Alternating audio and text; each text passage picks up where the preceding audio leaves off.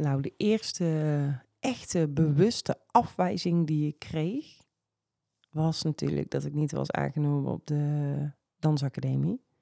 Toen voelde ik me echt heel erg afgewezen en mega klein. Het is toch gek wat afwijzing eigenlijk met je doet. Hè? Je mag ergens niet bij horen. Vond ik heel, vond ik toen echt, echt heel heftig. Uiteindelijk heb ik het goed gemaakt en dacht ik, hé, hey, hell no, jullie gaan me niet vertellen wat ik wel en wat ik niet kan. Zo werkt bij mij afwijzing dan ook, dat ik denk, oh, ik zal jullie eens laten zien hoe het werkt. En daarna ben ik wel aangenomen. Maar in die afwijzing, dat is zoiets naars eigenlijk om, om mee te maken. En misschien herken je het wel vroeger met vriendjes of vriendinnetjes, dat je, ja, of, of dat je daarbij een afwijzing kreeg, of dat ze je gewoon niet meer wilden, of dat jij iemand niet meer wilde die je af moest wijzen. Ik weet niet, maar e-, op een of andere manier kan ik dat nog steeds lastig vinden. En ik had het daar uh, een tijd geleden had ik het daar met iemand over en die zei: "Oh, maar dat is gewoon volkomen logisch, hè? Want als je vroeger werd afgewezen, en dan heb ik het echt over vroeger, vroeger, vroeger, dus toen ze nog in bosjes leefden, uh, als je dan werd afgewezen, je moest zelf op eigen houtje je, je eten regelen, jagen, eh, je tent, maar alles. Nou ja, tent, ik weet niet of ze het toen hadden, maakt me ook verder niet uit, maar je werd uitgestoten uit de groep. Dan overleefde je het vaak niet. En daarin komt die drang dus dat we ergens, dat je niet afgewezen wil worden, komt daar dus ook voor een groot deel vandaan. En ik wist dat dus helemaal niet. En toen dacht ik, ja, dan maakt het wel meer duidelijk waarom we die afwijzing zo lastig vinden. En ik moet wel heel eerlijk zeggen dat ik de afgelopen jaren ben ik daar wel veel meer in gegroeid. Want ik denk nu en dat is een hele fijne om te denken. Het is graag of niet. Um, vroeger kon ik, daar, kon ik daar niet zo over nadenken. Want dan dacht ik, oh ja, maar ze moeten me leuk vinden. Ze moeten me... Weet je wel, dus dan deed ik heel erg mijn best om, om dan maar ergens bij te horen. En nu kan ik gewoon heel makkelijk zeggen, het is graag of niet. En alles is daarbij oké. Maar ik heb het idee dat je daar gewoon wel iets ouder voor moet worden. Als je jonger bent, ja, is het lastiger. Maar iedereen kent denk ik wel het gevoel dat je, ja, dat je ergens, het gevoel hè, wil niet zeggen dat het ook zo daadwerkelijk is, maar het gevoel dat je ergens of niet bij hoort, of uh, dat iemand je niet meer wil zien, of dat, of, of dat iemand je, of dat iemand niet meer van je houdt. Dat zijn, dat zijn pijnlijke dingen als jij er anders in staat en dat je dus echt die afwijzing voelt. En ik heb, ik heb echt een aantal afwijzingen meegemaakt die ik, die ik echt heel lastig vond. En misschien komt het ook omdat ik gewoon, um, als ik iets wil, wil ik het. Punt. Nee, eigenlijk uitroepteken. Dus uh, op een of andere manier dwing ik het ook een soort van af of zo. Ik weet het niet. Uh, en daar, daarbij denk ik, dat is ook een leuke, daarbij denk ik dat ik alles voor elkaar krijg. Maar dat is natuurlijk ook gewoon bullshit. Twee of drie jaar geleden, toen uh, dacht mijn vriend van, nou weet je, ik weet niet of ik dit nog wel zo'n leuke relatie vind. Er was geen ander of dat soort dingen, maar gewoon dat hij, ja, hij zag het gewoon met ons niet meer zo zitten. En die vond ik ook echt wel heel heftig. Dat voelde voor mij ook zo als een afwijzing op mijzelf.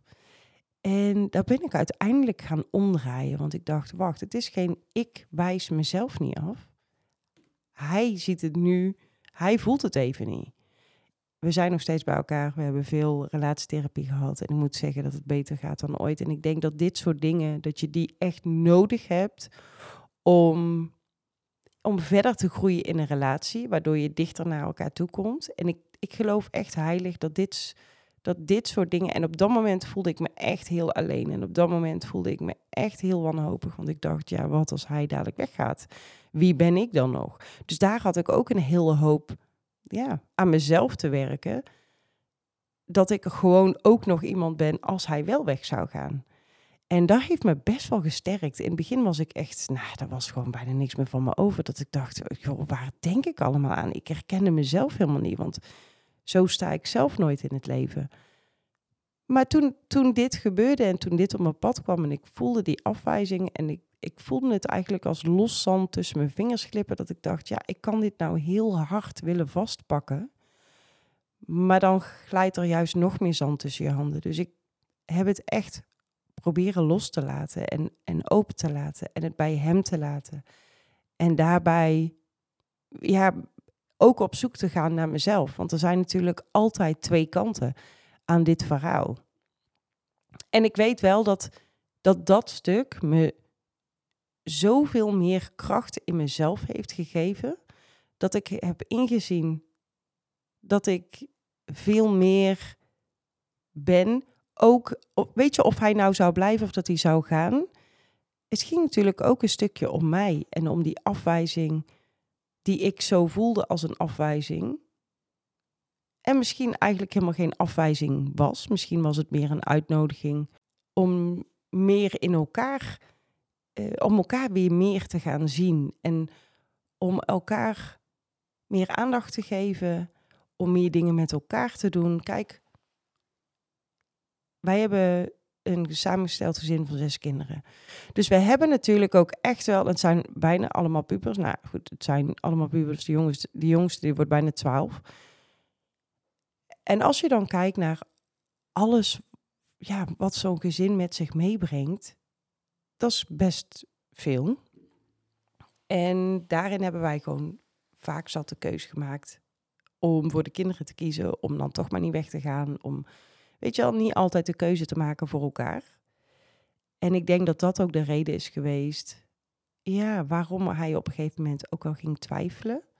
En ik heb natuurlijk hier ook de studio en dat is nou, misschien wel mijn zevende kind. dus ja, weet je, ik, ik ben er ook gewoon niet altijd. Ik ben ook niet altijd beschikbaar.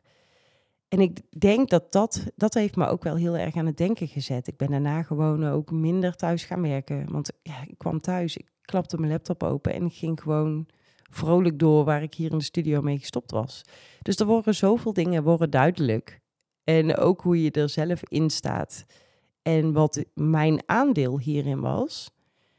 En weet je, je bent helemaal niet zo aantrekkelijk als je wordt afgewezen en je gaat in die, ja, hoe zeg je dit?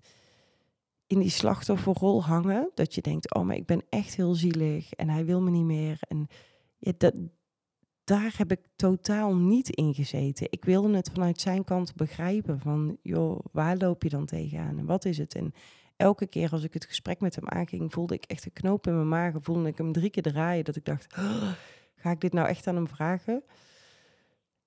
Maar uiteindelijk heeft het ons zoveel meer gebracht dan, dan daarvoor. Ik ben, ik ben voor deze periode, ook al voelde ik me echt, echt heel onzeker. Ik denk dat het een van mijn onzekerste periodes is geweest. Uh, ja, dat, ik, dat ik echt bij mezelf ging twijfelen van, maar wie ben ik dan nog? En wat kan ik doen? En wat heb ik te bieden als hij niet naast me staat? Ik vond dat best, een, best wel een puzzel die ik in mezelf, bij mezelf niet helemaal kreeg opgelost. En, en ik moet heel eerlijk zeggen, de, de psycholoog die ons daarbij heeft geholpen, die was zo, zo fijn en en legde alles zo goed uit.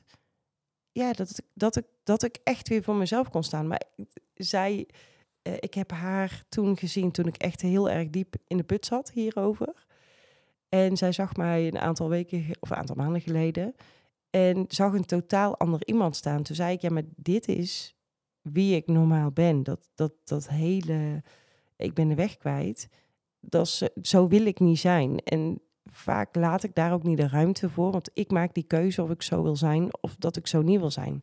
I know, het werkt zo niet helemaal. Want als je echt in een dikke vette depressie zit. Maar dan nog denk ik dat je elke dag een keuze hebt om er het, het beste eruit te halen. En vaak denk je dat je die keuze niet hebt. En blijf je in een bepaald denkpatroon zitten. Waardoor je dus denkt dat je geen andere keuze hebt. Maar je hebt altijd een keuze. Je hebt altijd een keuze om ergens anders over te gaan denken. En dat is lastig, maar je hebt die keuze wel. En vaak staan we daar niet bij stil. Vaak denk je gewoon, ja, maar dit is wat er op mijn pad komt, hier moet ik het mee doen. En ik ga ermee om zoals ik er altijd mee omga. En ik geloof niet dat daar je kracht ligt. Ik geloof echt als je alle lagen afpelt en gaat kijken van, maar wat zit hier nou onder? En waarom reageer ik zo zoals ik reageer? Kijk, dit gaat natuurlijk ook vanuit je opvoeding. Je bent op een bepaalde manier opgevoed, je hebt een bepaalde manier opvattingen. En die zijn dan, dat maakt je eigenlijk, en ook alle ervaringen die je hebt meegemaakt, dat maakt hoe je reageert. En vaak denk je echt dat je geen keus hebt. Je denkt dat je bijvoorbeeld je baan niet op kan zeggen. Je denkt dat je geen wereldreis kan maken. Je denkt dat je, weet ik het wat je allemaal denkt. Maar het kan allemaal. We hangen zo vast aan die schijnveiligheid. En daarom vind ik het ook zo belangrijk dat je volledig in jezelf gelooft. En dat je denkt, als ik iets wil, als ik iets heel graag wil, dan is daar een mogelijkheid toe. Dus stap daaruit. Stap uit die onmogelijkheid en uit het onmogelijk denken. Ga denken, wat kan ik doen om het wel mogelijk te maken? Want dan ga je gelijk, dan krijg je allemaal van die leuke ideeën. En, en als je de vraag begint met, maar hoe ga ik dat doen? Dan ga je geen actie ondernemen. Want hoe is wat dat betreft een te makkelijk woord, maar het brengt je eigenlijk niks. Het brengt je niet in actie. En als je denkt, wat kan ik doen om daar te komen waar ik wil zijn? Dan ga je actie ondernemen, want je gaat daadwerkelijk stappen bedenken van wat kan ik gaan doen. En als je in actie komt en je blijft in beweging, ja, dan voel je die afwijzing ook minder. Kan nog pijn doen, maar ik geloof echt dat daar, ja, daar, daar zit iets op. We vinden het allemaal zo vervelend om afgewezen te worden. Dat zit zo in ons mens zijn. En of het nou afgewezen is op, op wie je bent of op wat je doet. Of ja, iedereen heeft toch een mening. En probeer dat in ieder geval van je af te laten glijden. Want jij bent de enige die weet wat je aan het doen bent en waarom je dat aan het doen bent. Tenminste, daar ga ik vanuit. Ik heb een duidelijke missie altijd, dus voor mij is het misschien makkelijker. Maar die afwijzing wil je vaak wel iets vertellen. En ik vind het dan heel tof om te zien of om zelf mee te maken van, joh, wat wat is het dan wat dit mij wil vertellen? Hoe kan ik er ook mee omgaan? En dat is een keuze die jij in jezelf hebt. Nou ja, ga eens naar die keuze kijken. En is het werkelijk zo onmogelijk? Nou, ik hoop dat ik je een beetje aan het denken heb gezet. Uh, mijn hersenspinsels over afwijzing en over keuzes maken in het leven. Nou ja, goed. Doe ermee wat je wil. Ik, dit is hoe ik erover denk. Uh, ik ben geen psycholoog of wat zo hebben. Dit zijn gewoon mijn levenservaringen ik, waar ik mijn lessen uit heb gehaald. Dus doe ermee wat je wil. En mocht je nou jezelf te veel afwijzen, dan uh, zou ik je ten zeerste aanraden om bij ons een shoot te komen doen, omdat wij gewoon net even er verder induiken. Dat we je willen laten zien dat je wel krachtig bent en dat jij al die keuzes kan maken die je wil. Vul dan een contactformulier in via de website. En uh, anders luister ik graag naar de volgende.